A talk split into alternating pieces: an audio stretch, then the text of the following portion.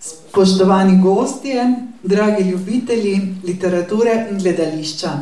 Z radostjo vas pozdravljam na današnjem literarnem večeru, ko gostimo izjemnega kulturnega ustvarjalca, gledališkega režiserja, tudi avtorja dveh romanov, sama M. Strelca. Spoštovani gost, dobrodošli v Ormoški knjižnici.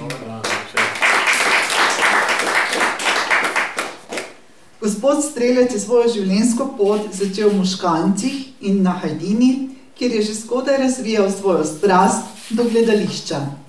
Številnimi dosežki na področju režije in organizacije gledaliških dogodkov je zaznamoval slovenski kulturni prostor. Z izjemno zauzetostjo je vrsto let deloval v mestnem gledališču Ptuj, kot tudi v Mariborski drami, hkrati pa tudi v drugih gledališčih izven meja Slovenije. Svoje znanje kot predavatelj deli tudi z mladimi in jim tako prenaša naprej tudi svojo ljubezen in strast do gledališča.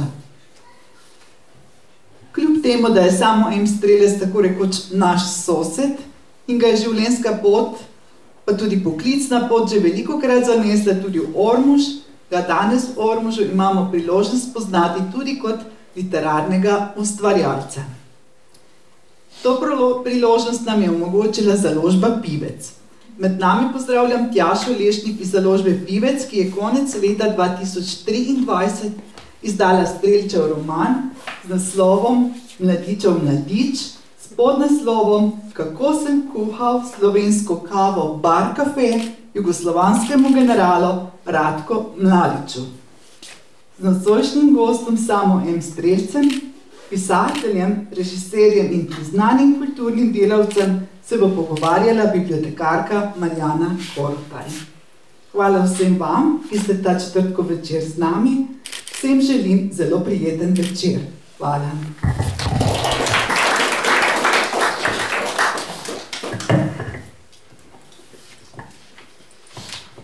Lep dober večer, še enkrat dobrodošli v naši Ormoški knjižnici in v Ormožu. Ja, v Ormužu smo se že dalj časa pogovarjali, so bile izrečene pobude, da bi vas bilo prijetno gostiti in smo knjižničari gledali, kaj je gospod Samost M. Marija Strelec, znan, priznan ptujski režiser, napisal in smo videli, to je knjiga Ptuj 69. Ne prav kratka zgodovina prihodnosti najstarejšega slovenskega mesta, znanstveno-fantastična proza, izdana leta 2019 naslov obeta. Ampak, ko smo želeli priti do knjige, je izvodov v slovenskih splošnih knjižnicah samo, če se ne motim, šest. In uh, morali smo se zelo potruditi, da bi prišli do gospoda Strelca, do njegove knjige. Do knjige Tuj 69, žal, do zdaj nismo še uspeli priti, najbrž tudi ne bomo, ker knjig ne več ni. Ampak se je uh, usoda prijetno poigrala z nami in smo videli, da je izdal novo knjigo Mladičev Mladič. In uh, tu smo se povezali in smo končno uspeli priti do našega skupnega dogovora, da vas lahko gostimo in vas bomo danes spoznali kot pisatelja in kot rečeno kulturnega ustvarjalca, režiserja. Bi nam uvodoma povedali, kaj v tej knjigi Ptuj 69, ki tako obeta znanstveno-fantastičnim pridihom, ampak vprašanje je, koliko od nas bojo imelo priložnost sploh prebrati. Z veseljem, dobro večer še enkrat. Uh, take lepe stvari v vodo za začetek, take lepe stvari ste povedali o meni, da nisem vedel, da, da moram tako fajn o sebi misliti. E, tako je že zvenelo, mama mi, jaz sem rekel, Madonna, kaj sem že res toliko star. E, Vse je tako nadaljevanje takih govoranc. Dobro, dobro, dobro. Glede pisateljevanja, eh, jaz nisem pisatelj po poklicu, skratka tu in tam nekaj napišem, tako da se mi to zdi skoraj prelepa eh, oznaka, ampak vendarle smo v eni čudoviti knjižnici, knjige imam rad, nimam nič proti, ampak skratka, da ne bi kdo, ki bo potem to bral, pa to bil razočaran, vendar le nisem neki hudi pisatelj.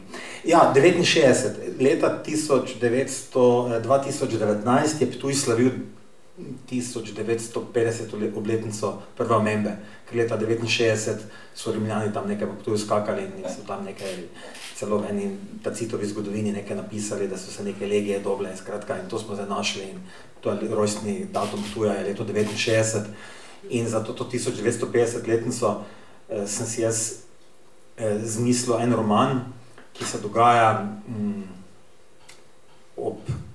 isti taki proslavi 2000, ob 2000 letnici Ptuja, se pravi 2000, Peter, pomagaj mi.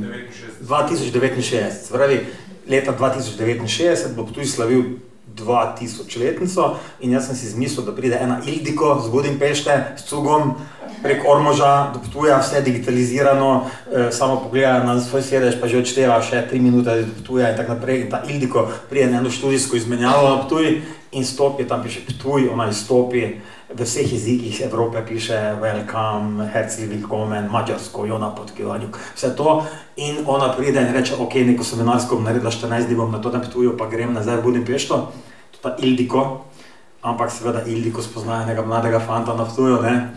In piše v Budimpešto, jaz bom malo bolj dolgo ostala, dva tedna, tri, pa prijem nazaj. In tak Ildiko ostane celo leto na Ptuju, zaradi velike ljubezni, kaj pa drugega, zakaj, zakaj ti ostanemo, če ne zaradi ljubezni, pa ne? Pa službe, pa deda, pa dece, pa vsega draga. In ta Ildiko potem celo leto na Ptuju živi in v tem romanu pač piše, kako Ptuj leta 2069 izgleda. In je to eno moderno mesto z ogromno zdrevesi, z ogromno cvetja. E, čebele so vse digitalizirane, tako da lečejo direktno zgrada v turniški dvorec. In, ja, ja, ja, gospod, skratka, take neumnosti si spraševal in tisti, ki so to brali, so rekli, da je hecno. Žena je prebrala, pa samo do pol prebrala, ker je rekla, da ni več hecno, ker je preveč hecno. E, in to knjigo sem izdal pač sam, torej samo založbi, to pa pomeni, da pismo pač zorganiziraš tisk, vse to narediš. In finta je bila, da sem naredil sto izvodov, ki sem jih hotel, torej ni bez, vse veste, pri knjigah nikoli ni denar, torej plano, ampak pri tej knjigi pa je bil cilj eh, teh, eh, kaj govorim, sto izvodov? Sto izvodov. Sto izvodov. Sto, je bilo 100 izvodov? Ne, mogoče celo 69. Jaz sem celo mogoče naredil knjigo o 69 izvodih in je bil moj cilj, da nobene ne prodam tako, da bi jo kar nekdo kupil, ampak čisto vsakemu kupcu knjige sem jo dal v roko. Skratka, vsaki sem se osebno dobil. Vsaki, ki je knjigo hotel imeti, sva se dobila na kafetu, potem sem to 69, kam mogel spiti, mislim, meni srce skoraj razneslo, sicer smo dosti tu in šprica rupili, tako da je bilo kar naporno to knjigo potem distribuirati. Hočem vam reči, pojasnjujem, zakaj knjige ni več, 69 jih je bilo, 69 jih je šlo in adijo Marija, kot se reče, ne. In zdaj tega potiskovali, ne bomo pa to, ampak recimo ob 2000 let ziptuja, spred 2069, pridem nazaj, pa bomo se te, to še ponatisnili, pa tako dalje. To sem, sem redno povedal? Ja, super. Je bilo redno? Okay. Dober uvod v naslednjo knjigo, ki pa je torej lani bila izdana pri založbi Pivec. Taka lušna, privlačna knjiga, rdeča, z naslovom Mladičev mladič, ki pa je bila uh, izdana z namenom oziroma je posvečena vašemu sinu ob njegovi, kot darilo ob njegovi 18-letnici. E, v bistvu knjiga kratkih uh, zgodb o tem, tako eh, reče avtor svojemu sinu, da bo vedel, kako je njegov fotor postal ata. In bom uvodoma za začetek, zakaj ste se odločili sinu posvetiti knjigo, prebrala en par citatov, da boste začutili tudi avtorjev ta uh, slog uh, humorni. Um, tako pravi. Sinu bom poskušal ohraniti nekaj reči s pomočjo teh papirjev. Niso za všatuljo, ne za album, še manj za trezor. Ampak, če jih bom znal razstaviti in na koncu znova sestaviti, morda pokažejo več od tega, kar se zdijo, da so nič. Nič in hkrati vse. In kaj naj bi, to, kaj naj bi ti torej rekel svojemu sinu? Torej? Ker bolje ne znam, je mogoče najbolje ne reči nič. Posvečam ti vse te vrstice, nekoč jih boš, upam, prebral. V njih je vse, kar vem. Res je, da je tega bolj malo, ampak je pa moje. Morda pa si me prav ti spodbudil, da bom to, kar mi sicer hodi že nekaj časa po glavi, pa čeprav ni pravljica, dejansko napisal. Ampak kaj bodo s tem drugi, se sprašujem. Hm, Mogoče pa smo vsi še naprej otroci, tudi ko smo že veliki in bi radi nekoč ob pravljici mirno zaspali. Kakorkoli, hvala ti za tole, napiši, ati. Upam, da bom tudi jaz znal kdaj spodbuditi tebe, da boš naredil nekaj, za kar še sam ne boš vedel, da zmoreš. Torej, takole je tvoj foter postajal ata. Je vaš sin knjigo prebral že pred izidom ali ne, tako me po? Ne, noben, niti žena, niti si nista vedela, da knjigo pišem. Začel sem jo pisati res pred deset, ko je bil star okoli deset let in sem pač vedel, videl sem enega sina mama in sem videl pač, kak te, a te pa mame neke deci dajo za 18. rojstni dan, pa da danes to ni tak hec, kak je včasih si dobo neko verižico zlato ali pa nekaj tak se vemo, kaj si dobo in je bilo lepo. Danes pa to vidiš, da že skratka se vemo, mopedi pa sem pa tja, pa računalnik, vse tako mora biti. In se mi je zdelo nekako, nekak nisem bil s tem zadovoljen. Pol pa sem si rekel, nič, bom jaz res to knjigo napisal. In sem pred desetih njegovih letih začel to pisati in ni šlo in petkrat nehalo, skratka tra la la la la. In potem v zadnji fazi vendar rekel, gled, za 18 rojstni dan to mora biti in tudi tu nisem uspel, skratka dobo za 20 rojstni dan. Skratka, dve, dve leti sem zamudil, ampak je ga, ne, vse život, na konci dve leti gor ali dol. Tako da pubec in žena nista vedela, da to pišem in ker nisem hotel povedati, to pa zato ne, ker nisem bil zihar, da sploh končal, ne. Jaz nisem bil zihar, da bom to napisal. In bi se mi bilo sram tu pač reči, da bo boš, ne, bi mi bilo sram to zboti, pa ne, ne. Kaj si bo fotor mislil, da fotor samo nekaj govori, ne. tako da, tako da ni prebral prej. Zdaj po tem, ko je izdana, pa je prebral, kakšni so njegove odzive? Zelo zanimivo, zdaj glih nekaj huda izpita imel in je rekel, ata, jaz to zelo pomalem berem. Ne biti jezen, da nisem še, torej pomalem bere, stran po stran, mislim, skratka vidim, da pomalem bere, vidim tam, ki jo ima uh, in sem veseli, da pač ni za to požar v eni noči, ker bom vam potem povedal, so različne, so, so ljudje, ki so prebrali v eni noči, vedno še. Pravi pubec, da pravzaprav, to me je zadnjič kar malo presulno, je rekel, da ko bere to, ko tako to bere, da ima feeling, da, da, da svojo glavo, da vidi, kak, da vidi neko povezavo mišljenja, fotra pa sebe, če me zastopite neko, vse to težko razložiti, ampak ko to bere, skratka, da reče, joj, vse tako, jaz ena stvari razmišljam, ali pa ne razmišljam, pa dvomim, ali pa si mislim, pa kaj ne, skratka. Jaz sem se zelo mučil v življenju, recimo s svojimi šolami, kaj bi, pa kaj ne bi, pa se pa tja. In zanimivo je, recimo, da je povec po gimnaziji, pa je bil fajn učenec, tudi dvomil. Mislim, da vsi tako imajo. jaz, ne. Mislim, vsi dvomimo, vse jasno da, ne. Ampak če mi reči, mogoče nekako zaslut, no, gledaj, trala, po malem bere in bo prebral in da bo prebral in povedal, kaj si misli. Ja, jaz sem ena od tistih, ki sem knjigo prebrala na mah, na dušek in z velikim veseljem. eh, In potem še tudi enkrat mi ni bilo težko, Aha. je bilo prav zabavno, vedno znova smešno. Uh, smešno. Tudi za razmisliti.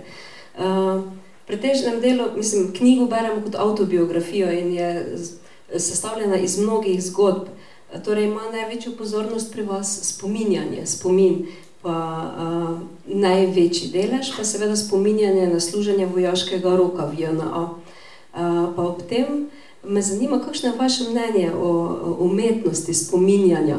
Našla sem en taki ljubi citat in ker je v knjigi, ko boste brali, boste videli, da je gospodu Strelcu uh, zelo ljubil citiranje tudi drugih pisateljev, tudi sklicevanje na druge medbesedilne kulturne elemente glasbo.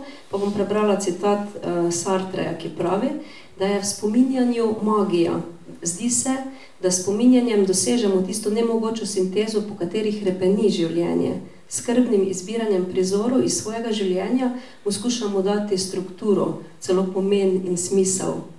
Se strinjate, kaj vam pomeni? A to nisem jaz samo objavil? Ne, ne, Aha, to ste vi, aha, jaz dobro, našla. sem mislil, da, da, ne, vem, da več ne vem, kaj sem napisal. Eh, je, eno nedeljo, kaj tiste, če poslušate včasih zjutraj, tisti nedeljski gost na valu 202 ob 12, ali kaj tam, ko kuhaš nekaj, pa glihove po radiju govori, je bil pol enajstih, ja, zanimivo, ne?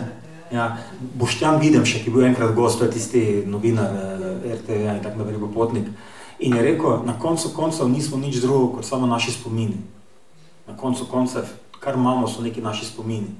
In se mi zdi, da to, da je to zelo lepo povedal, ne, skratka, kaj imamo zdaj, neka avte, neke plehe, bicikle, kaj zdaj, kaj še ti imamo, nekaj pač si skuhaš, poješ, pa ne hlače imaš.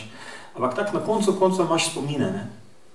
In toto spominjanje, jaz sem par let po vojski, sej sem, smo sami domači, pa se iskreno lahko menimo, par let po vojski sem se dosti spominjal tega mladiča, pa te neke torture, ki sem jo tam težko prenašal, po prej povedano, skratka, ni bilo najbolj lušno v vojski, no, bi se hvalil, če sem bil tam neki frajer, nisem bil, je bilo kar naporno, bil sem taki, eh, bil sem taki žmigav in mali celi, mama mi je enkrat dala v delovno brigado, ki je delala v zaščiti v Kidreče, mene rokavice usnjene in smo šli v šipterijo, do, eh, se mora reči, na Kosovo v brigado.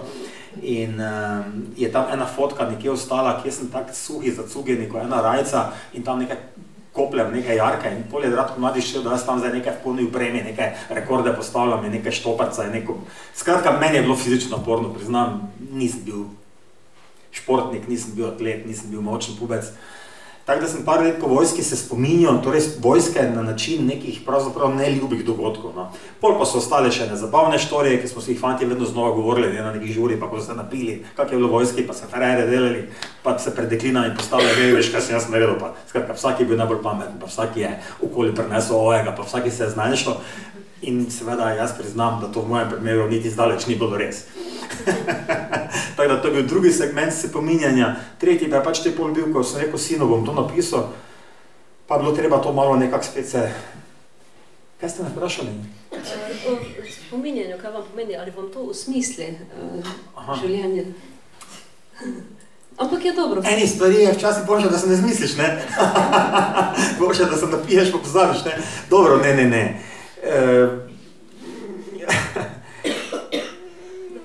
Dobra istočnica, ta, to služenje vojaškega roka, ja. je to obdobje, ki vas je v mladosti najbolj zaznamovalo, zato srednji del knjige. Veste kaj, eh, tam sem jaz res ene zanimive ljudi spoznal, še zdaj se z nekaterimi družim, eden je Budimpešti Laslo, en slikar v Beogradu, Milan Tucovič, je pred dvema letoma pri 50 v svojem ateljeju, takem lepem, enostavno smo se družili, pa se vidimo za pet godina, dočičemo, da, da, dočiči Slovenijo in je kar lepo zaspal eno noč, se jutro zbudil, mrtev, mislim, ni se zbudil več. E, in so mi eni dragi ljudje ostali iz časa vojske, s katerimi še imam mnogimi stike. In drugač pa tak na nekih svojih spominih, pa to ne, da bi zdaj nekaj na tem hudo človek delal, ampak vendar je tako, ti vidim še rekel, če nimaš nič spominov, mislim, kdo si, kaj ti si, mislim, se vidimo, narod, če ne ve, če narod ne ve, eh, kako lepo recimo nekateri narodi južni, recimo zdaj, če smo pri Srbih, ne, koliko oni vejo o svoji zgodovini, koliko oni vejo o svojih pripovedkah, koliko vejo o svojih kraljih, knezih, tudi Hrvate, če pogledate. Recimo, jaz sem dosti delal po Hrvaškem, meni je to lepo, recimo, jaz, meni, je to, meni je to všeč, pustimo za nacionalizme, pozabimo to, ampak veliko vejo, mi ne vemo, mislim, veste, boste rekli, ne vem, eh, dobro, zdaj vidim tukaj Saver Meško, ok, vemo vsi, ampak vam bom, bom, bom gimnazije rekel neko, neko ime, pa bomo rekli, kdo je to, kaj zvem, staro sto let in tako dalje. Skratka, zdi se mi, zdi se mi, kaj se mi zdi? Da se treba spominjati nekih reči, ja. ker nas to ohranja. Ja. E, skup drži, povezuje, če ne, pa pač ni nič. Te pa si pač neki digitalni svet, neka digitalna Evropa, neka, kako se to reče, planetarnost, unifitarnost, jaz, jaz, vija, v prvem letniku govorijo vsi angliško boljše kot slovensko, pet besed znajo povedati, e, se reče sinonimo, kako se reče, so, so, so pomenk, rečeš, kako se reče, srečen, pa reče happy, pa, pa kazen, kaj še jih pet, pet jih pove. Če pa rečeš, da si židana volja, ne? pa nišče ne ve, kaj to židana volja. 18-16 let, mislim, se zdaj ne šimfam, vam samo hočem reči dejstva, ne? Danes si pa židane volje, rečem dijakini, veš, prvega letnika. Kaj sem profesor? Ja, židane volje si. Kaj bi bila? Ne razumem. Kaj šele, da rečeš, kaj je to, da je nekaj uzaljšano, ali pa da ona zala, Kdo je Zala? Zala, ki si? Ne, ne Zala. Andreja je Zala. Naprimer, ajde, to se mi zdi, pravzaprav ne bi rad, sta, ne bi rad izpadel tako bolj star kot sem. Ampak eh, mogli bomo paziti, ker če ne, mislim, vse veste, kaj če mi reči, potem to zgine vse skupaj, mislim, kaj se bomo angliško menili, kaj, pa si pošiljali SMS-e. Jaz ne bi želel takem, mislim, Ne? Upam, da se strinjate, da, da, da smo to, kar smo po neki kulturi, po jeziku po, in vse to skratka, kar je res, ampak se nam dolgo zdi smešno, pa zahec. v romanu, v knjigi ste veliko kratkih zgodb opisali, anekdot, štorij, ampak uh, glavno težo, kar da knjige za odločitev bralca, da vzame, je ponavadi naslov in naslovnica. In naslov je Mladičev mladič kako sem kuhal slovensko kavo v bar kafeju v slovenskem generalu Radku Mladiču. In najbrž uh, se strinjate z mano, da prvo, kaj pa mislimo, Radko Mladič, ne, povzročil genocid, vojni zločinec, koliko, uh, koliko teže, koliko uh, težkega, nečloveškega je na tem imenu. Ne. Uh, kako je prišlo do odločitve, da ste povezali te zgodbe? Vse pa dobro sliši, ja, mladičev, mladič, ne, igra besed v jeziku. Ampak. Um... Radko mladič nas je najprej dejstvo, on je nas klical, mladiči, ajde mladiču, digni, digni dupe mladiču. Mladiču, ajde, to ne si mladiču, sprej, mladenič, ne, mladenič, on nas je bil mladiču, vsak je bil mladič. No, jaz sem pač pred njem vojsko služil v Ohridu in uh, v enem od teh desetih let, ko pisanje nekako ni šlo, pa sem že skup kuško poruzo vrgo, pa to se mi je nekem trenutku zazdelo, on je bil že v Hagu v zaporu, sem rekel samo, mogoče bo pa tebi ena spodbuda zadnja, da boš do konca napisal to, da greš v zapor k njemu na obisk. In sem jaz prek slovenskega veleposlaništva na nizozemskem dobil kontakt zapora v Hagu, tega preiskovalnega, ker je on, ki je bilo njemu sojeno.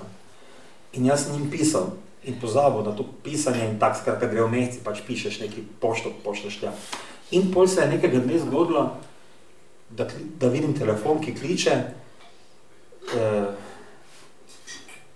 in nisem dvignil in potem drugi dan spet in neka druga številka, sem rekel, pa daj prodajo, mi tu spet nekaj, tako se zroban začne, Vete, da prodajajo neke delnice, pa nekaj vse živo prodajajo in se ga ne tega dvigu. Tretji dan ista številka in se začelo z nekaj, nekaj nula, nekaj, nekaj, jo in rečem, eno govorilo besedo na F, rečem, joj, uh, grozno, to je nizozemska, moja firma pa na nizozemskem serverju računalniški, joj, nekaj me za firmo kliče, mo, moraš to dvigniti. In jaz misleč, da od moje firme, ker je tako zvenelo kot nizozemska predpona, tista 0,0 nekaj, nekaj, dvignem telefon in čujem, to, to note piše, ste brali, pač sem malo, piše in, in čujem po telefonu, kako si mladiču, deda ovdje, Radko ovdje, Radko ovdje, kako si mi, kako si mi. Jaz sem se začel trest v tistem momentu, ko sem čul, da Radko mlači na telefonu. Ne vem, da razložiti pač to te neke telesne reakcije, pač se da zmešano, ampak tako pač je ne. Kaj se si prosil, to sem dobil. In sem hitro nekaj te končal, da sad nemam vremena in to, ni problem, kad opet da te zovem. E, sem rekel, v petek ob devetih imam vse, a videli, dođenje, držem dol. In pride petek in petek devet nič nič on kliče.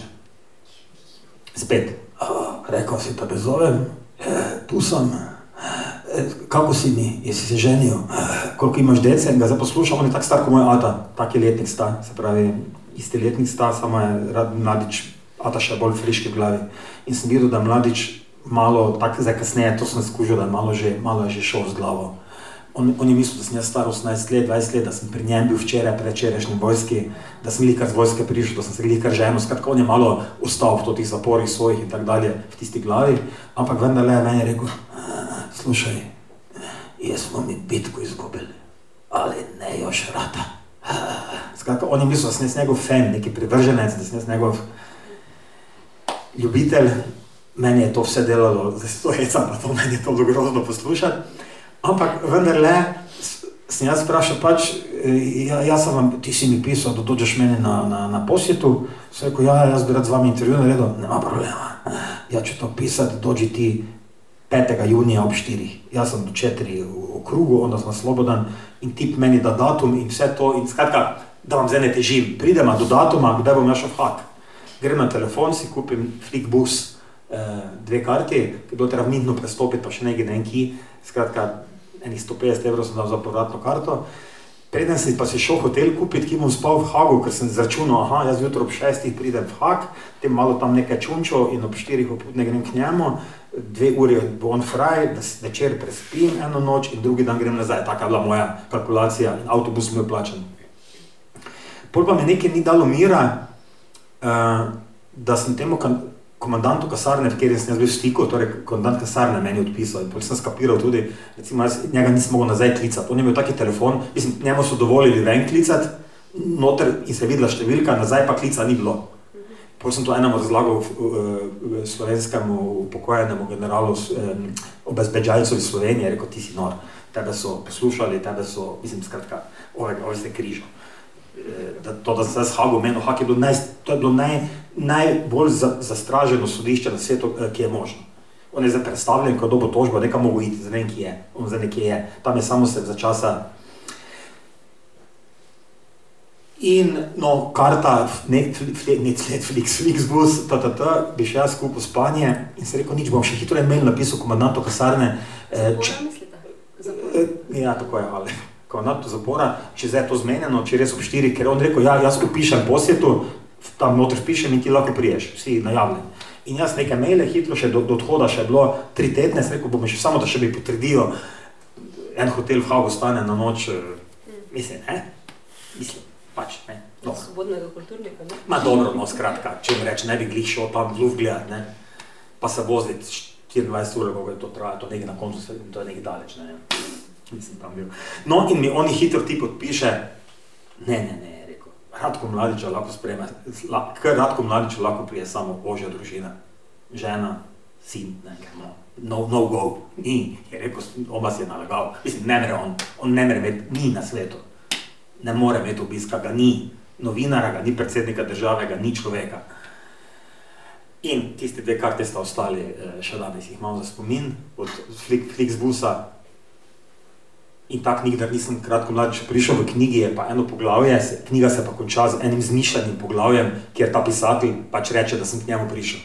In se v njegovi celici si predstavljam, kak bi mi dva tam se menila. Tako da, tisto je edino, recimo, zmišljeno poglavje o obisku v, v Hagu, Eh, drugače vse ostalo res, pač nekaj imena sem skril, tralala, eh, drugače pa. Bil pa je dobro istočnica za naslov. Te, te ja, ja, ja, ja, in pol sem seveda gotovo, in pol sem gotovo, da tam mladičevi mladiči, mladičevi mladiči, da je to isto Sloveniji, na Hrvaškem bi bil ta naslov lahko tudi na Hrvaškem. Mladičevi mladiči, v Srbiji isto, mladičev mladič. Skratka, ker nas je pač mladiče klical. Ne? In se mi zdi kar fajn naslov, zdaj moram reči, drugače pa če smem pokazati. Smem? Uh, najprej smo se, ma, če smo že tako se pravim, da se menimo, najprej smo hoteli to imeti na naslovnici. To je edina knjiga, to je edina slika z moje vojske, mama pa jaz. Edina moja, edina fotka, ki je leta in let, ki je nikdar niso, da obstaja. In kakšno leto pred izdajo knjiga je nekaj upala. Si mislite, nobenem albuma ni bilo, ni, nikjer, ta slika jaz nisem čuval. Jaz se ne spomnim te slike. In v nekem trenutku, po enem sprehodu, nekaj sem šel pisati, pade z nekega, ne vem, ki pade, jaz pač knjiga, imam doma tudi kaos knjig. In pade ta slika ven in to je, in to je Ohrid, ko sta Ata pa mama prišla na zakletvo. E, zdaj bom malo, malo ratov, hm. čustven, ne? Je res, čustven se reče, ja? Ok, mama je bila ful zgrožena, ko je videla, kakve so spodne majce imeli raztrgane, to je bilo na huje. Kak smo, kak smo raztrgani. Um, tako je očitno na sliko, po mojem. In slika, to ta slika v originalu velika 6x4 cm, to ni nič. Čisto črna. In so jo na založbi rešili z nekimi skenerji in tako dalje, kot se danes dela. In edina slika, jaz nikoli nisem vojsko to slikati, ker me so to mrzo. In je edina slika, ki je ostala zdaj v tej knjigi in so jo tako krasno dali na to notranjo, ne kako se to reče, strokovno, notranji, to ves in na zadnji. Na, na, na, na, na, na. Kdo to rekel? Prav, vezni list, vezni list, zunaj pa je to ta džezva. In sem veseli, da smo našli, ni, rekel sem založbe, ne naredil kaj čejo, da bi mi bilo drago, če to, to sliko, ki jo uporabijo in so jo, tako sem zelo hvaležen, kam so jo dali. Mislim pa, da so se pač odločili za super naslov. Sem veseli, da je to ta džezva gor, ker pač bosanska džezvica je pač kava in tako dalje. Ne, viba. Ja. E, tak, um, se zgubljam malo, samo ne zato, ker sem že tako stari. Ja. So čustva, ne? Ja, ja, no, tako, skratka, malo bludimo, malo plešemo, malo se zmišljujemo, kako bo nimamo nekega hudega plana, ne? Evo, hvala lepo.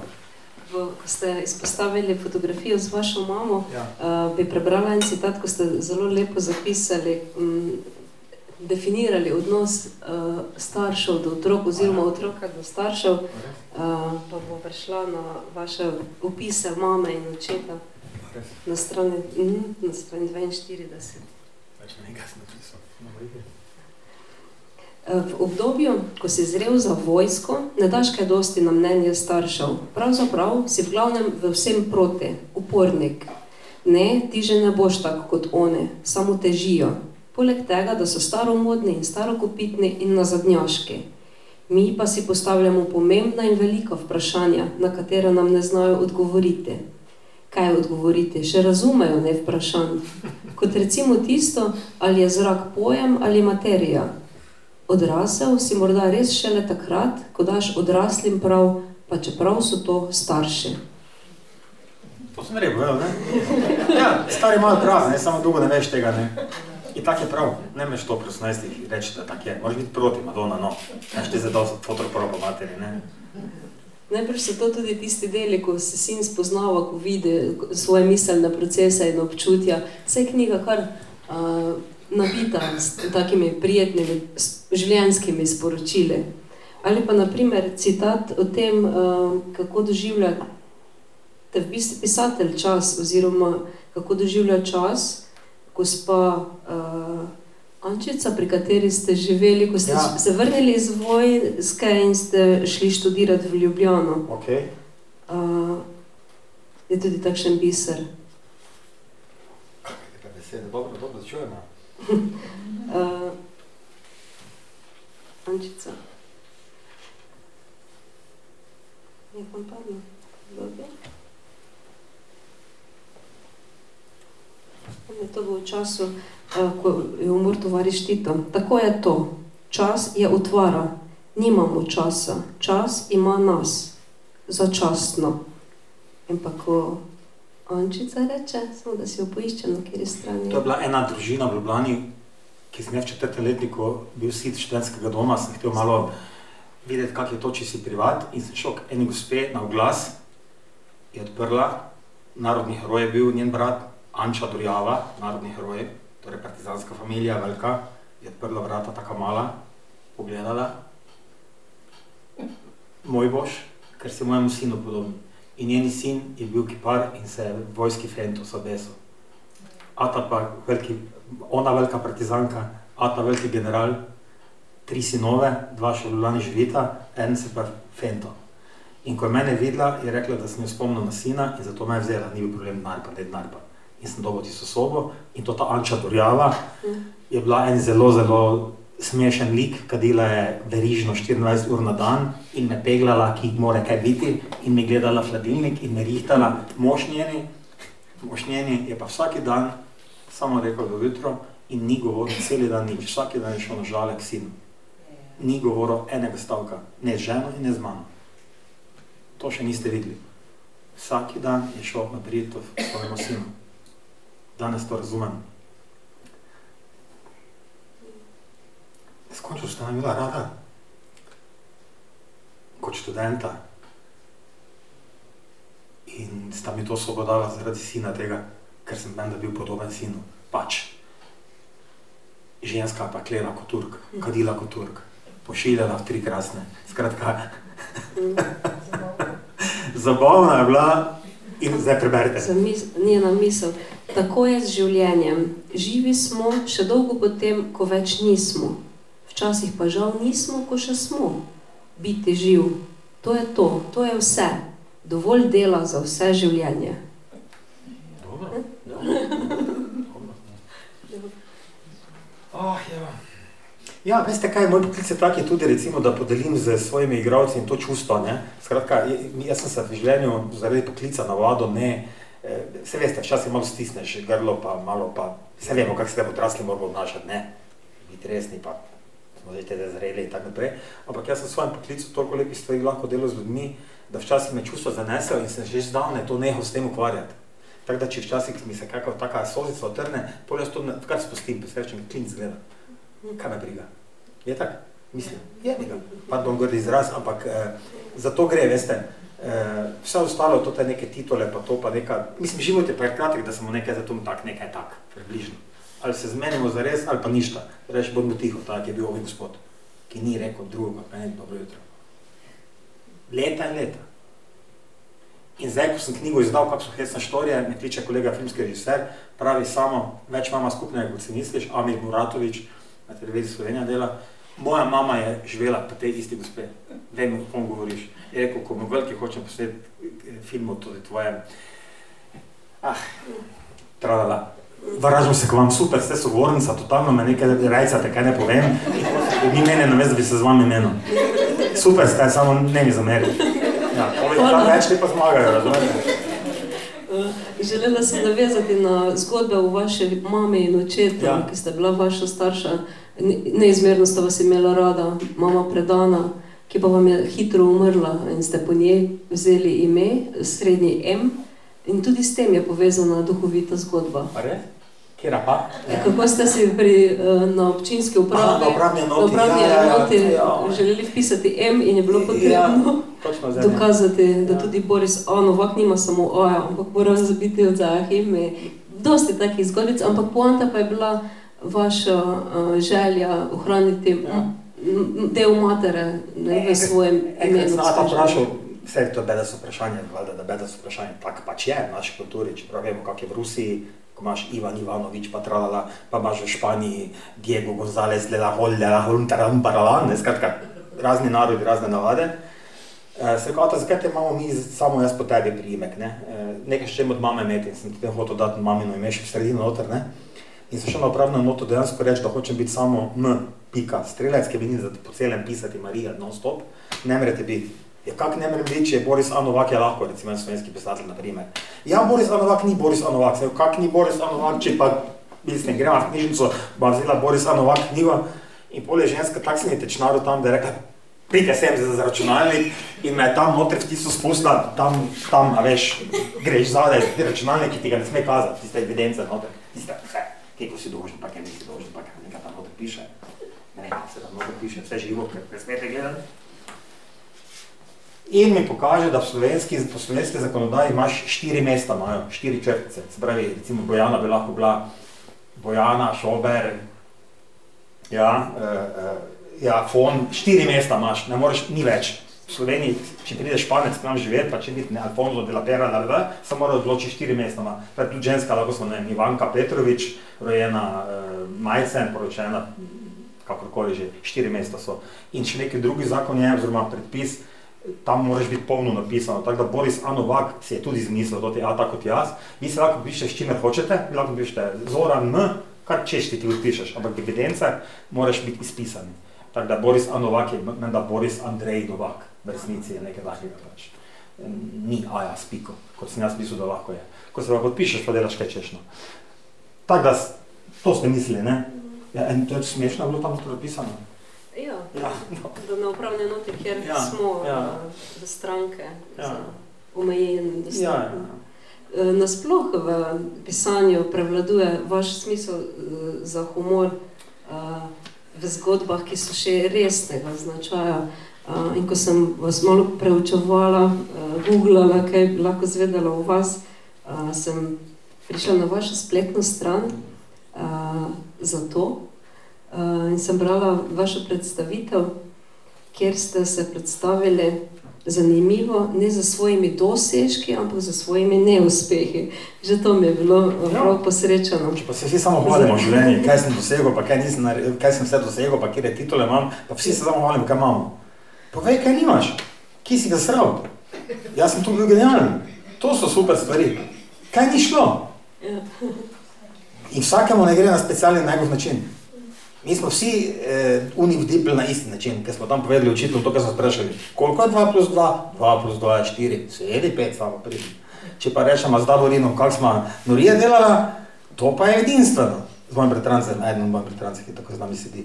In to se mi je zdelo v nekem obdobju življenja fantastično, da si upam reči, da nimam problema reči, to in to sem zasral, ali pa to in to je bilo narobe, ali pa to in to ni, ni bilo fajn in tako dalje. Zato, zato katalog neuspehov, to se mi zdi fantastično bom enkrat o tem pisal, da to bo 500 strani. Ja, serija neuspehov je tista, ki je. Diklinki niso, ja. diklinki ni ratalo. Yes. A veš, nadaljevanka, nimate, nimate polic. Ne mi reči, da se to bi bralo. Hm? Gospa, znateljica, se strinjate? Ena, ena, tom ena, tom dva, petnajst, šalim se. A se poanto razumete, se ne, eto se, izvolite. In takšen jezik, tudi slog, je značilen za pisanje vaše iskriv, komunikativen, tak svež, duhovit, sočen, neposreden, humoren. Um, ste s tem bili rojeni ali vam je to prizgojeno ali to mnogi, Ja, to za nekaj mnogi rečejo, pa mislim skratka, kaj jaz vem, jaz sem vam bolj kot ne za zagrenjenega, zateženega človeka. Recimo, res duhovit človek je bil stik vsake z Ormoža, ne? Kirič, ne?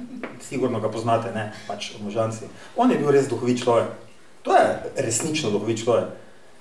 Meni pač se nekaj po nesreči, da ima še malo spaže, smešno izpade. ne, ne, nimam se za duhovitega. Ampak izjemno pa imate radi jezik in uživate v igranju z jezikom. Med drugim sem na spletni strani spodnje podravci oziroma obrazi slovenskih pokrajin kot vir za zapis vašega življenja našla vašo prijavo na delovno mesto za direktorja, eh, ravnatelja Mariborske drame, Ja. ki je izjemno duhovito napisana, berljiva, res vredna objave v knjigi, kako bi naj izgledala prijava na delovno mesto direktorja uh, ustvarjalnega, kreativnega poklica. Ja. Vete, ni mi nikoli bilo jasno, recimo, ne, se prijaviš na neko delovno mesto z neki prijavo, neke javne inštitucije, te pa to skrivamo. Te pa to komisije skrivajo, ne ve to kdo videl pa to. Delno boš pa nekaj javno, za neki javni denar, pa za javni interes. Skratka, meni zdi, da smo malo zmešani slovenci, ampak to je že druga tema v nekih, v nekih ozirih. Tako da je to bil neki moj protest. Neko, ja, jaz sem svojo prijavo napisal, ampak bom jo tudi javno pokazal. Če pa kandidiram za javne denare, vaše, moje, proračunske, te pa to nekaj skrivamo po odborih, pa kaj noter. Skratka, jaz sem malo šlašal, vse to vem, ampak uh, imam s tem veselje.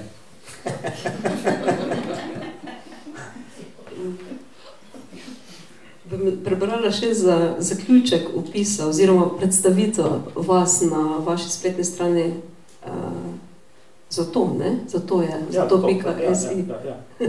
Zato si. Zato si. Zato si, ja. ja. Uh, Za drugo nisi, pa bo zato si. Zato pika si. Ja. Zato Dobro. pika si. Uh, onkraj kaj, zakaj, čemu, imam najraje kar tako. Radosti rade. Odpreti usta, pobožati par črk na tipkalnem stroju, potegniti črto, če tudi zgolj po papirju, poslati kak foton vsemirja skozi kamere oko, hoditi bos po mokri travi, kravi gledati v ogromno zblojeno oko in biti tiho.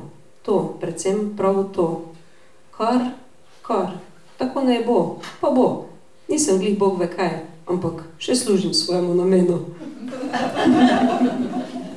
Ja.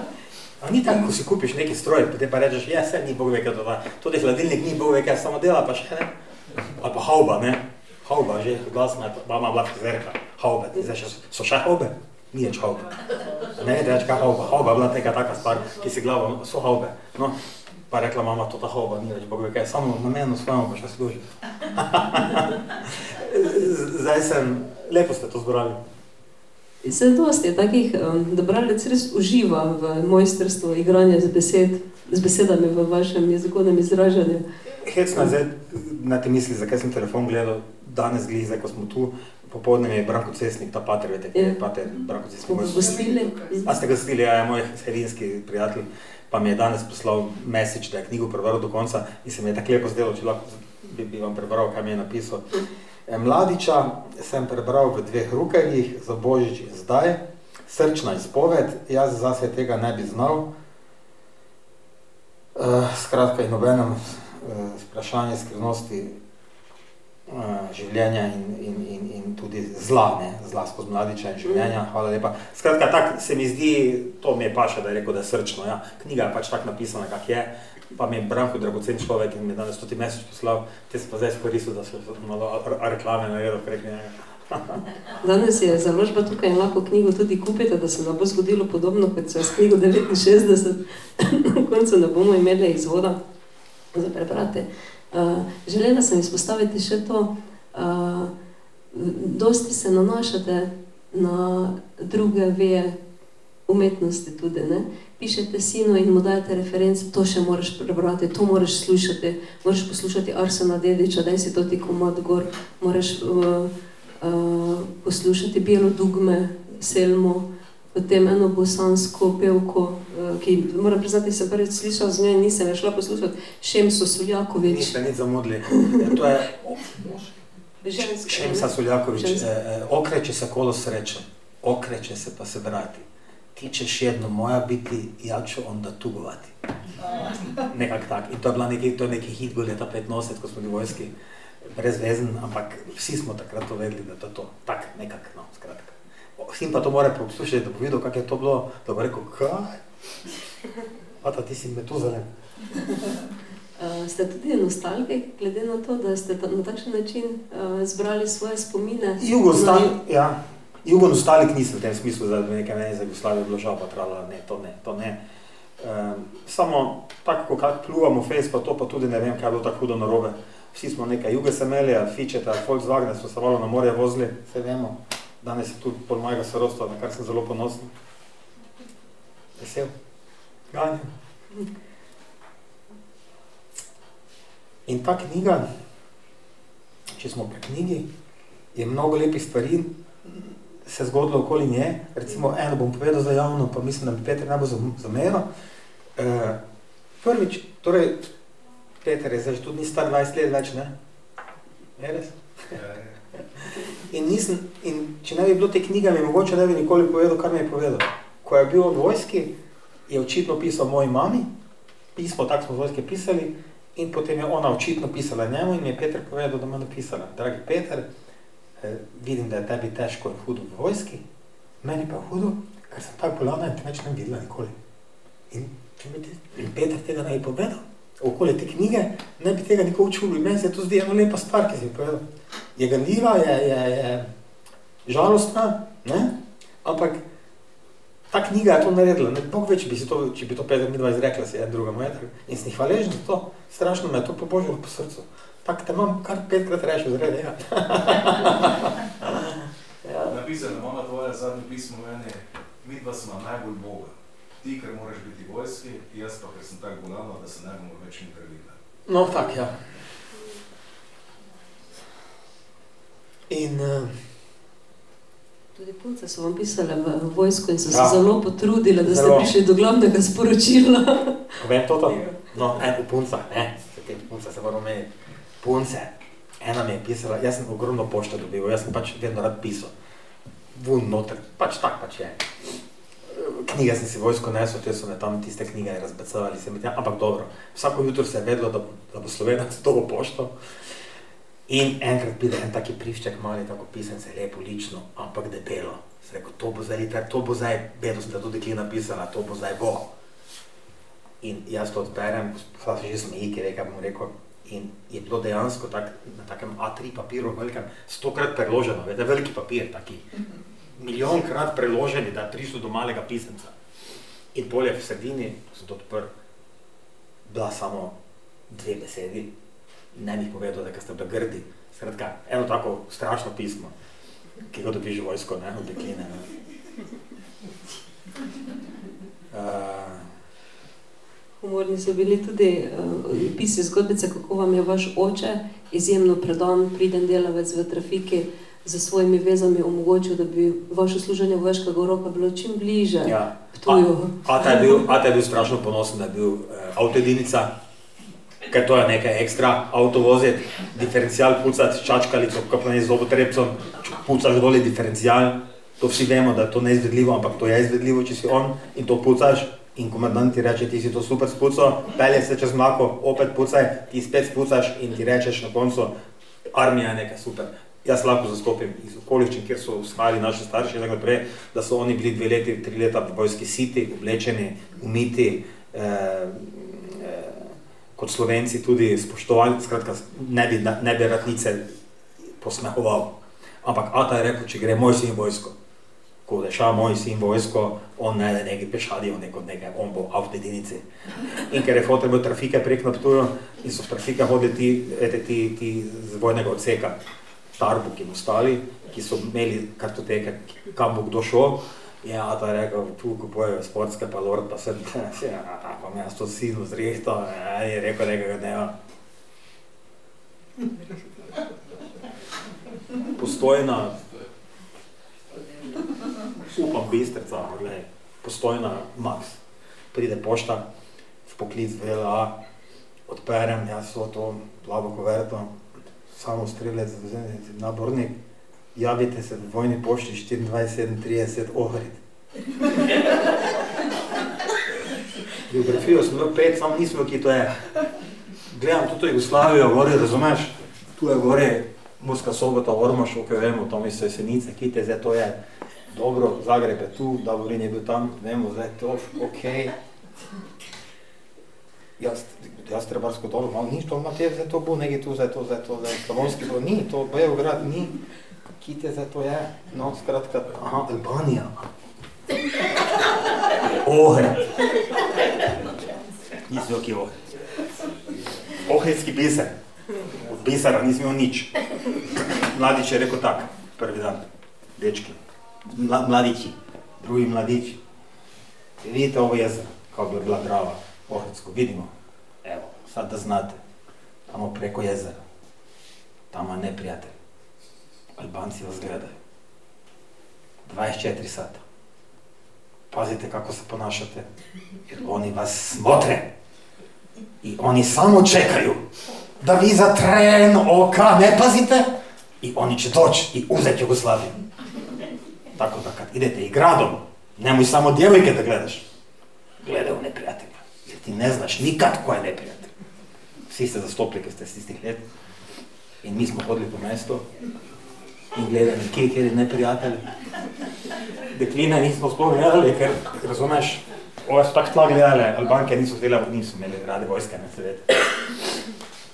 Pol pa sem te v Ohridu, so te prebrali, če te brali, res je bilo zanimivo, res je bilo zanimivo, te smo kafe kuho, pa vse to, kar te prebrali. In po treh mesecih nekaj ogrovanja so bila pa to, je moj komandant rekel, če bi jaz pred njemu stal v Ohridu, da bom jaz njemu tipko, ki sem znal tipkat. E, in sem že bil na avtobusu za prekomando, prideš, ful me je rad, pridi tu boš, Ohrid je super, ne? In smo spalali v Debar. To pa je tako, da bi šel iz Maribora, ki je te neko mesto, recimo Ohrid, tako da bi šel, sploh ne upam izreči, spodnjo celo Kafrijo, skratka, Debar je pa bil adijo živci, skratka, sami Albanci, ni niti enega Makedonca, grozno mesto, na, na koncu sveta. E, oficiri niso znali niti makedonsko govoriti e, in tam sem spet imel neko srečo, še lahko to povem, ali moram nehati, lahko povem še eno anekdoto. Pridemo mi v ta debar s to opremo zdaj in zdaj ta debar je bil spet center, kdo bo šel na kjero karavlo. Ivan, kot si oni slušali, zdaj kdo bo kam šel in seveda spet je pač tak, najboljše biti nekaj v centru, skratka, ker tam bo bolj komod, ker eni so šli gor na Strezimir, to tako tri glav, skratka niso, recimo 6-7 mesecev prišli svog dol. Niso prišli z bregov dol, ker je bil večni sneg. No, in pravi en strelac, ko je tu strelac, zdaj sem že vedel, da so to jaz, ki bi bilo robe, ajde, jaz sem strelac, doži. Kaj je, sedni tu, e, nešto, da češ, nešto, če da odkucaš, da nekaj ne natipkam. In je očitno v kartoteki pisalo, da znam tipkati, ker smo imeli tipkanje, ne bi bila v srednji šoli se bojneš, jabločnika, ne. In on meni pravi, ajde, prekucaj mi ovo. In mi vrže en makedonščini, en list za prepisati. Gledam jaz s čirilico, ki je malo drugačna, če makedonska od uh, srpske. Gledam pisalni stroj si mislim samo, zdaj, zdaj, pa, zdaj pa ne seri, zdaj tipkaj, ne, ne filozofiraj. Stavim jaz notri toti papir, dam notri, dam tu predlogo in jaz začnem tipkati. Nekako nekak pa mi je to, to tipkanje v srednji šoli šlo, ne vem, zakaj sem jaz imel to te prstne sposobnosti. Jaz sem dosegel v četrtem letniku 250 znakov na minuto, kar je približno tako kot srednješolska eh, ekonomistka, recimo, če je študirala toto tipkografijo, vse to strojopisje, so v četrtem letniku dekline prišle do 200, 230, 250. In jaz sem v najboljši fazi imel 240 znakov na minuto, kar je ogromno za nekoga, ki je imel to zelo malo. Ne? No, jaz da vteknem tu notri, pa zdaj ta brzina ni bilo važna, in gledam toti original in tu pišem. In tako jaz kar pišem, toti komandant, bodoči moj, pa me tako gleda, pa pravi, a bre, Slovenče, bre, ti kucaš na čoravo? Naslepo, ne? In tako sem jaz na čoravo kuco in rekel, ti nekaj ideš, nekaj, ne ideš na kasarneta, ker ostaneš ovdje kod mene, ker ćeš biti moj zapisniče. In sem jaz potem tako postal tam njegov osebni tajnica. In sem mogel, zdaj pa me vprašajte, kaj sem mogel tipkati. Gole levo je pisalo, kotu zgore na papirju je pisalo, vojna tajna, strogo poverljivo. Imeli smo pre, prek 11 kasarn in 11 kasarn je moglo dobiti toti dokument. In vi zdaj si veste, da 11 kopij ne moreš narediti na Indigo. Narediš jih 5-6 ne pa 11, se pravi, sem mogel vsako stvar dvakrat tipkati, ne? Ja? No, tipko pa sem. Zapisnik ovog mjeseca karavle pojele su 50 kila pasulja. Ali pa recimo, izvještaj o incidentu na granici. Vojnik Jusić Ramo ušao je u teritorij Federativne ljudske republike Albanije 200 metra. Kot drveta, kota, broj 503, otvoril je švic, švic, izvadil ono stvar in pišal po tekovima Republike Albanije. Time je napravil prekršaj in so se, do, in so se dobile meddržavne, in so se dobile meddržavne komisije, so imele zasedanje in so to vrstne meddržavne spore reševali. In to sem tipko v 11, v 11 šestkrat ena, šestkrat, pa nove indige, pa petkrat. Zdaj pa, če še mi date minuto, še povem konec to štorije s tipkanjem, če, če vas ne dolgočasim, ne pa neho. Te pa je rekel moj kandidant, dobro, šoli, dobičeš ti iz Koplja Geštetner. Kaj je to Geštetner? Geštetner je pa neka nemška BMW firma za ciklostil. Ciklostil, matrica, matrični tiskalnik, matrica. To so meni rekli, da je to neki novi sadržaj, to Nemci, Germanci te rade, ajde dovediti to tamo, tamo, ta.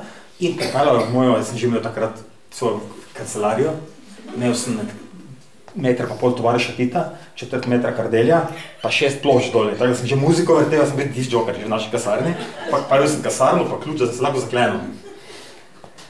In mi pravi enkrat ta moj komandant, opet, da mi tih teh 11 komadov, krat ne vem koliko vsega tega, pa nekaj še za druge 350 komadov mi to naredi, razumem, razumem, jaz odidem, imaš dva, tri dana, ne znam, ta, ta, ta, In jaz prijem čez 20 minut to matrico, daš noter, Nemec dela to, razumeš, on špukne vun 5000 komadov v 30 sekundah, ne? Taka, taka, taka, si prosti se, rekli včasih matrica, sedete. In jaz prinesem 300 komadov nazaj, to tam moje čez pol ure. Ko je on to dobro, šta me breze, balaš? Kaj to objavili vse? Pol zdaj reči, da prosim lepo to, da bedrije. Šta ti mene zabavaš, nisi mogel to odraditi? Rekel pa gotovo je to. Rekel sem ti 300 komada, rekel pa 300 komada ajde sad da me vozi in je šel to gledat in je gledal in je delal poleg mašine. Oh, ove germancite, šta rade germancite? Ni mogel verjeti, kaj je nabavil. Evo, pa da ste poslušali. V vojski je bilo zabavno, ampak je bilo tudi, uh, vas je naučilo, kako se izmojstriti v tem, da se izklopiš na nek način, da se uh, od težav, uh, od, mislim, za, zaščitiš. Bi prebrala odlomek? Ja. V Ohridu sem se izmojstril, kako se izklopiti. Biti kepa mesa, ki hodi. Izvaja, kar se ji naroči, ne doživlja nič. Si misli svoje, a o tem ne govori, ne čustvuje, ne sprašuje. Živel sem v svojem sporednem svetu. Tam sem bil s telesom, v duhu pa naučil sem se biti razpočen na dvoje. Nekaj me je bilo v telesu, nekaj pa onkraj njega. In v nadaljevanju bolečina svet zoži, odsotnost bolečine te svetu razpre. Bolečina, utrpneš, zamrzneš. Pobegniti se ni dalo. Lahko si delal samomor, potem so te spoznali za nesposobnega in te poslali domov, če si imel srečo. Če je nisi, so te poslali domov v krste. Ali pa si se pretvarjal, da si gej. To početje je bilo sicer nevarno. Če ti ni uspelo pred razno raznimi komisijami in psihiatri, si ga res najabal. Če si uspel, si tvegal, da se te prime, da si res peder. O tem nisem razmišljal. Ne v prvi in ne v drugi možnosti, kako se rešiti vojske. Vedel sem, ostal bom tu do zadnjega dne in kar bo, bo. Nisem pa vedel, da se bo moral za to izklopiti, odklopiti, razcepiti na telo in dušo. Telo je moralo biti tu, duša ni mogla biti nekje drugje. Predvsej zajabano. Tako razmišljam med pozibovanjem in jebi vetričnim predanjem avtobusa. Okay. Eh, glede samo, če še to lahko vemo, koliko tega Radko Mladič ima eno misijo in to sem jaz kasneje zvedel. Kamorkoli on v kasarno bil poslan za pet let, nekam ali pa za deset let, njega so dali v neko slabo kasarno z namenom, da naredi iz nje vzorno kasarno. Se pravi, ne vem, idi v Lendavo in v petih letih mora biti to pic kasarna. In tako je on imel, danes bi rekli, mission, misijo, to je bila njegovo poslanstvo. In on je v teh kasarnah trikrat na leto naredil logorovanje, moški vemo, kaj to je, cela kasarna nekam šla, razen, razen, razen eh, straže. In to je bilo tako naporno, skratka, da sem jaz v enem od teh logorovanj, ki smo 8 ur urbance čakali v takem novembrskem dnevu mokri, dobo tako pljučnico, da sem jaz v tisti vojni bolnici, stacionaru se je reklo skoraj umr. Mene, torej, jaz mislim, da sem tam doživel smrtni strah, ker je mene, pol so mi to povedali tisti, ki so poleg mene ležali, mene je meter luft metalo, helikopter so naločili, ki mi niso mogli temperature zbriti, z vsemi injekcijami, z vsemi alkoholi, vsemi nagimi, pač kak se je to, polivali so nas z alkoholom. Skratka, jaz sem zaradi ene pljučnice tam bil na meji, In zgleda, da je tisti, da, da je ta, se jaz bil nezavest, jaz nisem zavedal, potem je oni prav, da so helikopter pod luftu odpovedali, ker je meni začelo malo padati. Jaz sem, tak, jaz sem tam skoraj ne? In jaz sem potem, ko sem imel šanso se odločiti, ali bom v Ohridu ostal, kjer je bilo kao malo bolj lepo mesto, po to, rekel, ne, jaz grem v zadnji, jaz, jaz grem z Ohrida, jaz preradko mlajče več ne, ker če si ti tam pred njem ostal, si ti to tih logorov imel neskončno, vedno znova, znova vojsko. In on je imel en strašni mehanizem, dobro dodelan, to danes vem kot režiser, ne? On je najbolj, veste, koga najbolj svrkal? Oficire. Vsi oficire, on jih je poniževal pred vojsko. Vsi oficiri so mogli dobesedno peš hoditi, noben, samo on, avto in vsi ostali, vsi čini, vsi majori, vsi, vse, vse isto kot vojska. Spravi, jaz, Radko Mladič, nišče drugi in, vo, in vojska ti pa glej, kaj delam s svojim oficirjem. In to je na vojsku naredilo en taki vtis, kako vam rekel, ni izjeme. Ni izjeme. In pole en dvometraž, dvometraž imel ploske, platku se reče, se po 60 km sezul, krvave noga je imel, Joko se je kruno, ne nekoliko zabo Hrvat, 2 metra 5 kruno, 2 metra 5 mi realizati je Joko kot mali otrok, 150 trak kot zdaj jaz. Molim, molim vas, dajte me v rešilca, peljite me, zovite generala, eh, zovite mladiča, mladič prišel, ga je pogledal in to je zdaj ironija, leta 85, pa se vojna začne kdaj, 89, leta 85 reče on, pride Radko Mladič, pogleda to te krvave noge, dvometrika človeka, ki se joče kot froc in reče drugoj vojnici, ako će zaratit, vi ćete svoje kolege nositi, nosite ga, nema stacionara, nema, nema rdečega križa, nosite dva pa pol metra človeka smo oblačili, vzeli njega stvari, leta pet, čez pet let se to vojna začela, zato to govorim. Se pravi, krut človek, ne, v bistvu krut človek, ne. Uh, oči plave, vse ženske bi se zljubili njega, vam povem. Plave, ok, grajen, treniran, do pasa vsako jutro gol. Eh, tak nared kot, eh, kjer je že ima to radiatorje, tudi filmski onak, no, vse to glej.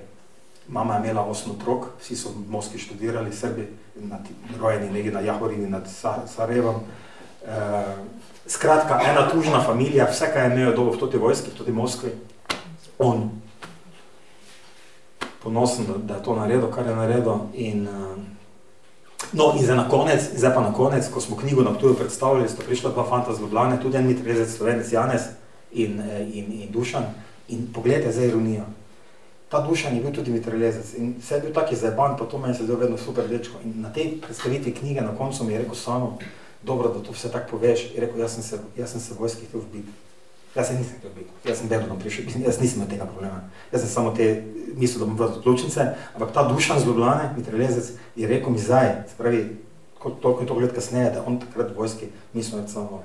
So, kak duša, pa ti nisi? Je rekel, ja, nikoli nisi, nikoli nikomu povedal recimo, vam govorim za okolje tudi knjige, kar se pač neke lepe stvari, mah, lepe. Pač nekaj, nekaj se zgodijo stvari, ki, ki se sicer nikoli ne bi. Hvala, da delite z nami te zgodbe.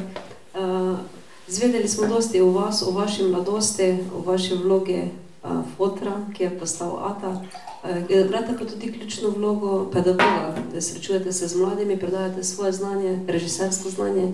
Bi morda še za konec kaj o tem, kako doživljate mlado generacijo danes, kakšne mladiče, pa letos rastejo, zdaj rastejo med nami in bodo prihodnost naše.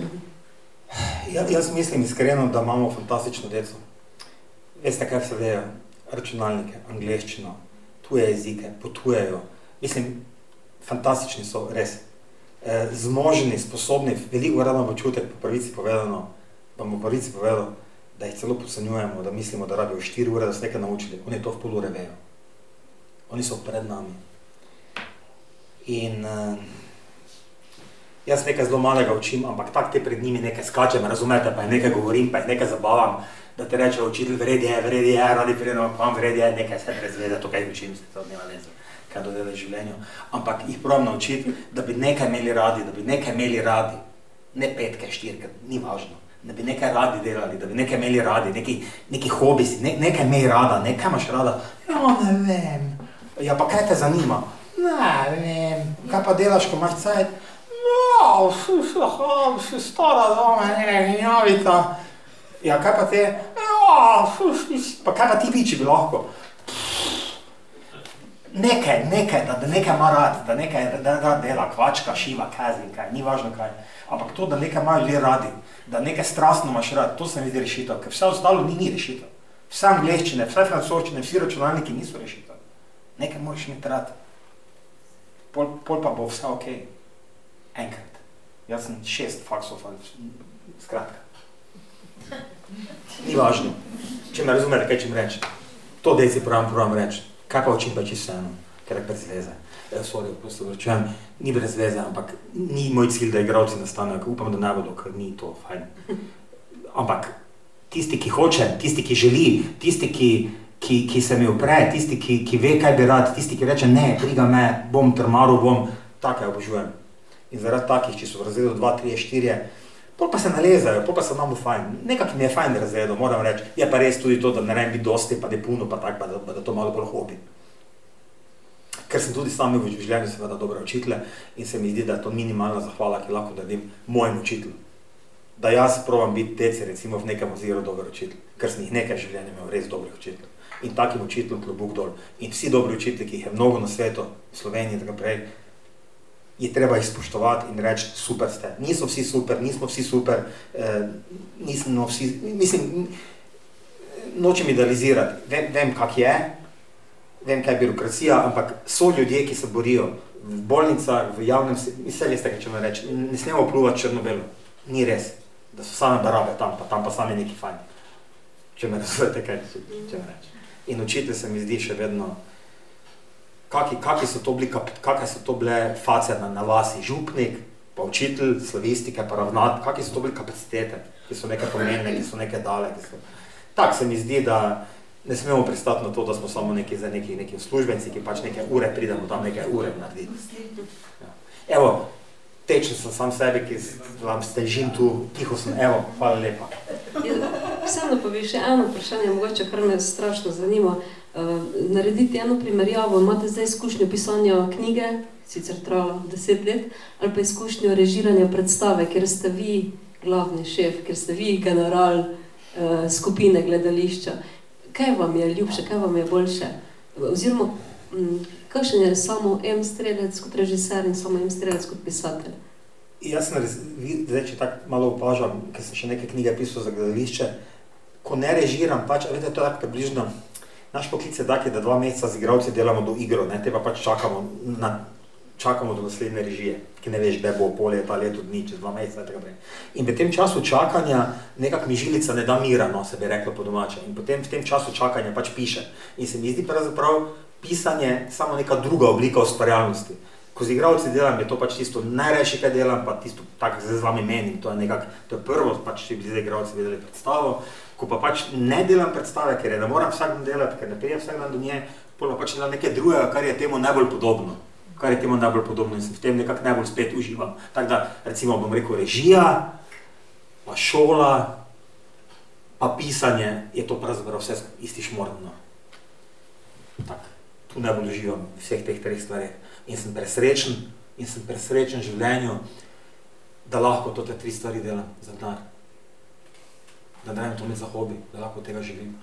Recimo, čutim tu eno milost, davnost, blaženost, eh, slova ne vem povedati, da se patetično čuje, ampak neskončno hvaležnost, da lahko to delam.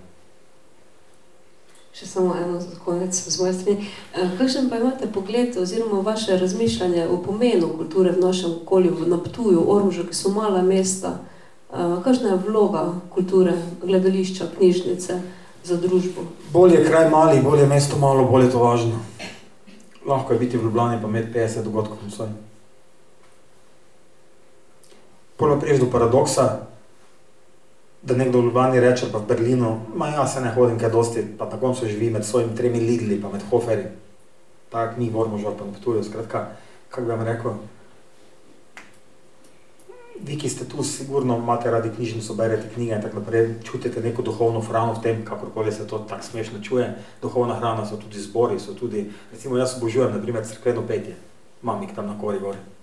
Recimo sem vedno to od, malega rad recimo poslušal, pa to za njih ne more biti, ne, ne rabi biti velika umetnost. Ampak tako nekako, ko ljudje počnejo nekaj, ko ljudje počnejo nekaj, kar je, kar je onkraj mašinskega, kar je onkraj stroja, kar je onkraj stroja, kjer so, kjer so navadni, kjer se motijo, kjer se zafrknejo, kjer, kjer, se, kjer so ranljivi, kjer so neuspešni. Take stvari me zanimajo in se mi, da kultura govori o vsem tem. Da je kultura vse tisto, kar ni stroj. Stroj je perfekten, točen, zanesljiv, fantastičen, ogromno naredi, nas ne nuca. Kultura je pa to, da smo živi, da smo da si nekaj lepega rečemo, preberemo, se napijemo, kultura pitja vina, kultura treznjenja. ja. Meni, jaz uživam, jaz bi še kar poslušala. Če imate kakšno vprašanje? Ja, če imate kakšno vprašanje, z veseljem povemo, drugače pa ste zelo, ste zelo prijazna publika in benevolentna in tako dalje, smo hvaležni. Še kdo kakaj reče, če ne gremo domov. Ja, samo uh, glede na to, da si ti nekde zelo rad prihajal v Ormož zaradi večjih stvari, ja. je bila seveda židrev sladoled in to smetano. Ne? Ja. Je pa še bilo nekaj stvari, zaradi katerih si rad hodil v Ormož. Sigurno, to v romanu vse piše. Noben problem. Noben problem. Ormož je pomembno z mano povezan, ne samo Teta Slava, pa Peter Ti, pa Bojana, pa, pa, pa, pa vaša uh, ulica Kneza Kocla in tako dalje tam gor. Uh, v romanu je, je neko dekle, v katerega se zaljubim in je postavljeno v Ormož. Skratka, ne, zdaj, zaradi avtorskih pravic moramo to stvari spremenjati, ampak tako, skratka, ja, se se sugom pripelo, vedel sem, kako vozi cug, potuje v Ormož natančno, kdaj gre, kdaj ne gre.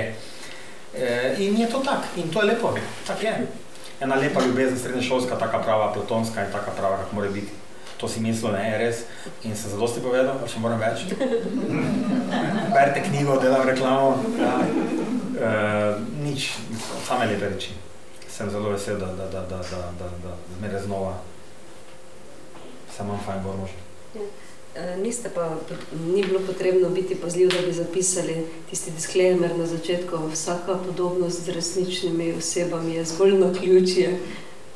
Ni bilo strahu. Ma, veste kaj, kaj nam rečem, ko tako damo to, to v sredico dol, pa to ne, imamo vsi na koncu dve roki, dve noge, enega luleka, ne, prvo malo večjega, pol malo manjšega, ženska ima nimate lulčeka. Skratka, hočem reči, nismo mi tak fejs različni, vsi smo mi isti.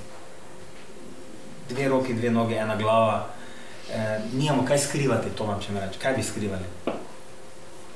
Kaj bi skrivali? Včasih naredimo življenje kaj lepega, včasih kaj slabega, včasih smo pobožani, včasih nimamo kaj se skrivati, kaj je disclaimeri, kaj zdaj se ne pazimo, kaj je bilo, pa kaj ni bilo. Radi se mejmo, mejmo se fajn, mejmo se lušno, eh, eh, mislim, mej, eh, priznam, priznam vse, kaj je lepo bilo in tudi, kar ni bilo lepo, priznam. Kaj če jim zdaj skrivati, kaj bi zdaj bilo? Super je bilo v tem ormožu, imeti eno ljubezen, srednje šolsko, tako, tako, tako, kaj je lahko samo v srednje šoli. Nikoli, nikoli več ne veš pol take ljubezni imeti. Ja, kako boš te za to? In, in je super, da je in tako dalje. In to je lepa reč. In življenje se potem obrača in se obrne in gre in tako. In to je super. In reč, wow, wow, to je bilo dobro, to meni je pustilo veliko sled, jaz sem vesel, da je bilo tako. Da pa to seveda si srečno zaljubljen, pa ono, pa tretje, pa četrto. To pa zraven paša, ne? Samo te to moraš, mislim, zato pa rastemo, ne? Pa, pa smo, se staramo, da znamo kakšne stvari. Um, Jezus Kristus. Dok so ljubezni, meni je super. Hvala vam. Še kakšno vprašanje? Komentar? Ti, ti, Peter, ti, ti. Glede na to samo, da je na tudi na predstavitvi tvoje, se pravi na premieri, bilo prisotnih kar nekaj kolegov iz vojske, med njimi tudi Laslo, ki ga večkrat opisuješ knjige, ne? To tvoj dober prijatelj, s katerim še zdaj govorita pristne odnose. Kaj bo mi pomenilo, naprimer, po tolikih letih srečanja, ko si jih povabil in ko so vsi ti prijatelji prišli k tebi? Kakšen je bil to trenutek srečanja? Kaj ti je to pomenilo? Mi se nismo videli z Lastom Mačarom malo bolj, ampak z dvema Ljubljančanoma mogoče dvakrat v 40 letih. In sem videl, kako so prišli fantje in je ta duša z Ljubljane rekel, veš, veš da sem jaz to hodil tu in pisati. Sem rekel, super, kak, ne, koliko si napisal? Je rekel, očitno bo pri meni ostalo ustno izročilo, ker nisem več kot štiri stavke napisal. Skratka, kako bi rekel, nekako so dečki tudi to nusali, na nek način vidim. In hecno je zdaj, recimo, ob knjigi, ponovadi ženske to kupijo in po domu prenesejo, pa prepoznajo to, te pa me kličajo, da pa me paš, veš kaj, najprej on prebral. In zdaj to moški prvo preberejo, ker vsi to, to vojsko vejo, kako to je bilo. In zdaj mnogi moški to prvo berejo, ženske morajo, ki so knjigo kupile, svi, da bi brale, morajo čakati. Tako da je zanimivo, nisem si mislil, da bo toliko moških to. Uh, prav mi to nosto govorijo žene, čuj moj se pa je toliko smejal, ker vsakega spomni to na njegove doživetje, se veš. Ti si imel svoje generale, pa svoje finte so pa bile iste, bolj kot ne. ne. Tako vsi to doživeli, ne? Vsi so to doživeli, ja. z drugimi prijimki. Kjer se lahko pogovarjajo moški. Tako, tako, tako. tako. Stariši. Ja. Meni, meni, je, meni, je, ja, meni je bila ta vojska pač bolj kot ne ta okvir, drugače pa za sina pa sem hotel tudi pisati malo bolj tak, to ta vojska ni tako važna, ta vojska bolj zgovor, tak nekak vmes to, tak nekak, kaj moče malo razložiti, da pubec, da ne v mislu, da mora vsemu vse verjeti. Zdaj smo že tu mi nekaj držav menjali, ne? Ja. Vete, mene je recimo srce bolelo, še to povem, pa neha. Mene je recimo srce bolelo, da ko sem šel v vojsko, sem bil ena ljudi na vojnem odseku, ki so me v to vojsko rivali, jela ajovsko, pa kak ne dam želja za domovino, pa vse, te kak se ta zakletva bila, zakletva, tam veš, kaj govoriš, če to pač poslušaš. Pol pa čez dve leti, ko sem študiral v Ljubljani, te pa so me rivali v teritorijalno obrambo, jaz pa sem si jih zaklejo, da več nobeno teritorijalno obrambo slovenske vojske, kako se to reče. In so me tam klicali, to ne partič mi nekaj pisal, da zdaj tam nekaj od mene nuca, seveda se lagal. Ampak hočem reči, isti ljudje, ki so me vila rivali, so me potle rivali v slovensko vojsko. In jaz razumem, kaj je služba, pa jaz razumem, kaj se da vidi, to tak življenje je. Samo me je nekako kot pubeca to mučilo, nekdo, ki me prej silo v en sistem, v eno, v eno domovino, Zdaj pa vse tam na robe, zdaj pa to to domovino, mislim, čakajte malo, mislim, razumeš, ti to. To je tako, da bi rekel, včeraj sem verjel v Jezusa Kristusa, jutri pa v, v, v Budo. Mislim, te za enega nisi, zdaj se pa to odloči, zdaj kak za to, kak. Me razumete? Um, ampak mogoče to ni pomembno, to tak pač je, jaz sem s tem imel težave in sem si rekel, več v uniformo ne grem. Niti poštarsko, pa niso nič na robu, super so poštarski kot je prinesel ljubezenski privček. Ja. Hvala, da ste me poslušali, hvala, da ste prišli, izjemna publika ste bili, malo je bilo po domače, ker je tu posorodstva mojega, pa se redko vidimo, ampak upam, da in bo dolgocajtno in upam, da če te prebrali, bo vesel. Hvala lepa.